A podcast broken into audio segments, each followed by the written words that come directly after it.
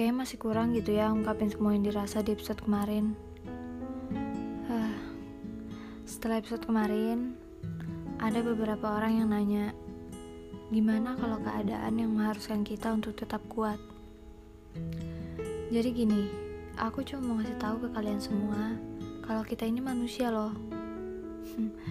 Iya iya, aku ngerti kalau kalian juga tahu. Maksudnya sebagai manusia, kita ini punya banyak pikiran dan perasaan. Yang aku penasaran sih, emang harus gitu ya terlihat kuat mulu. Mau sampai kapan terlihat kuat mulu padahal sedang sakit? Gini deh, menurut aku hidup ini berwarna, jadi kita nggak harus cuma ngasih lihat satu warna. Kasih lihat aja warna-warna lainnya.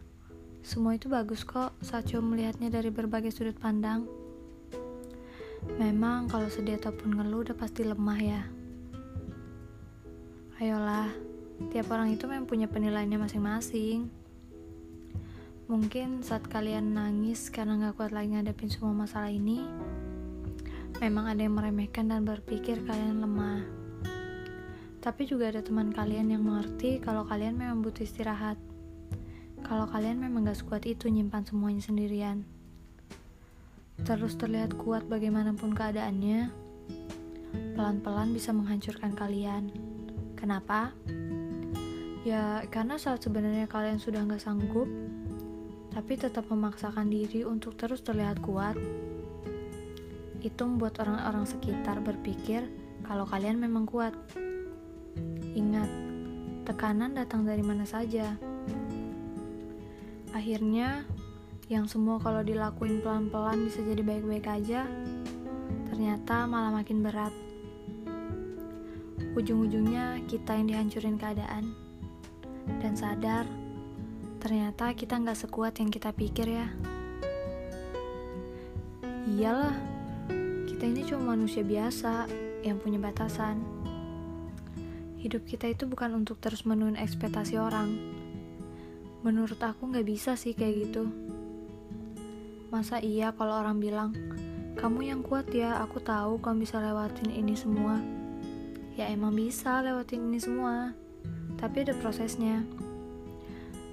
Terus tiba-tiba kalian yang tadinya pengen ngeluh, pengen ngeluarin air mata langsung diam dan jawab, iya, aku pasti bisa lewatin ini semua.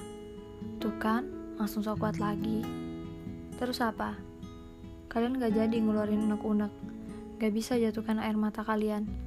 Yang mungkin udah gak tahan lagi pengen nangis. Yang sebenarnya juga bisa sedikit lebih lega kalau disampaikan dan sedikit lebih ringan rasanya. Uh, menurut aku, kenapa kalian jawab gitu? Mungkin karena kalian gak mau ngecewain mereka yang udah ngasih kalian support kan? Tapi sadar gak sih, kalian memaksa diri sendiri.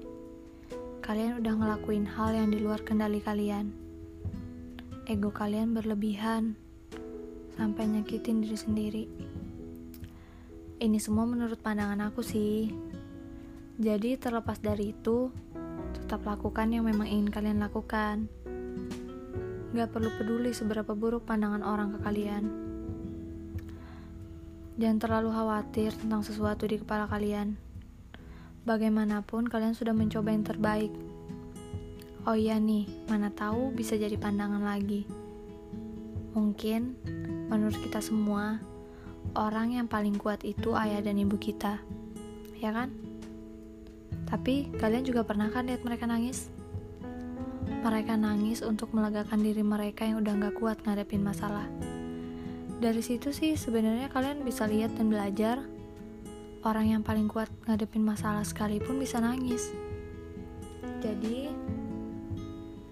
rasa suka, nggak suka, marah, sedih, capek, dan hal sema semacam itulah. Semua itu wajar. Manusiawi kita sebagai manusia ngerasain itu semua. Jika memang perlu, katakan apa yang dirasain. Kejujuran justru bisa memperbaiki keadaan.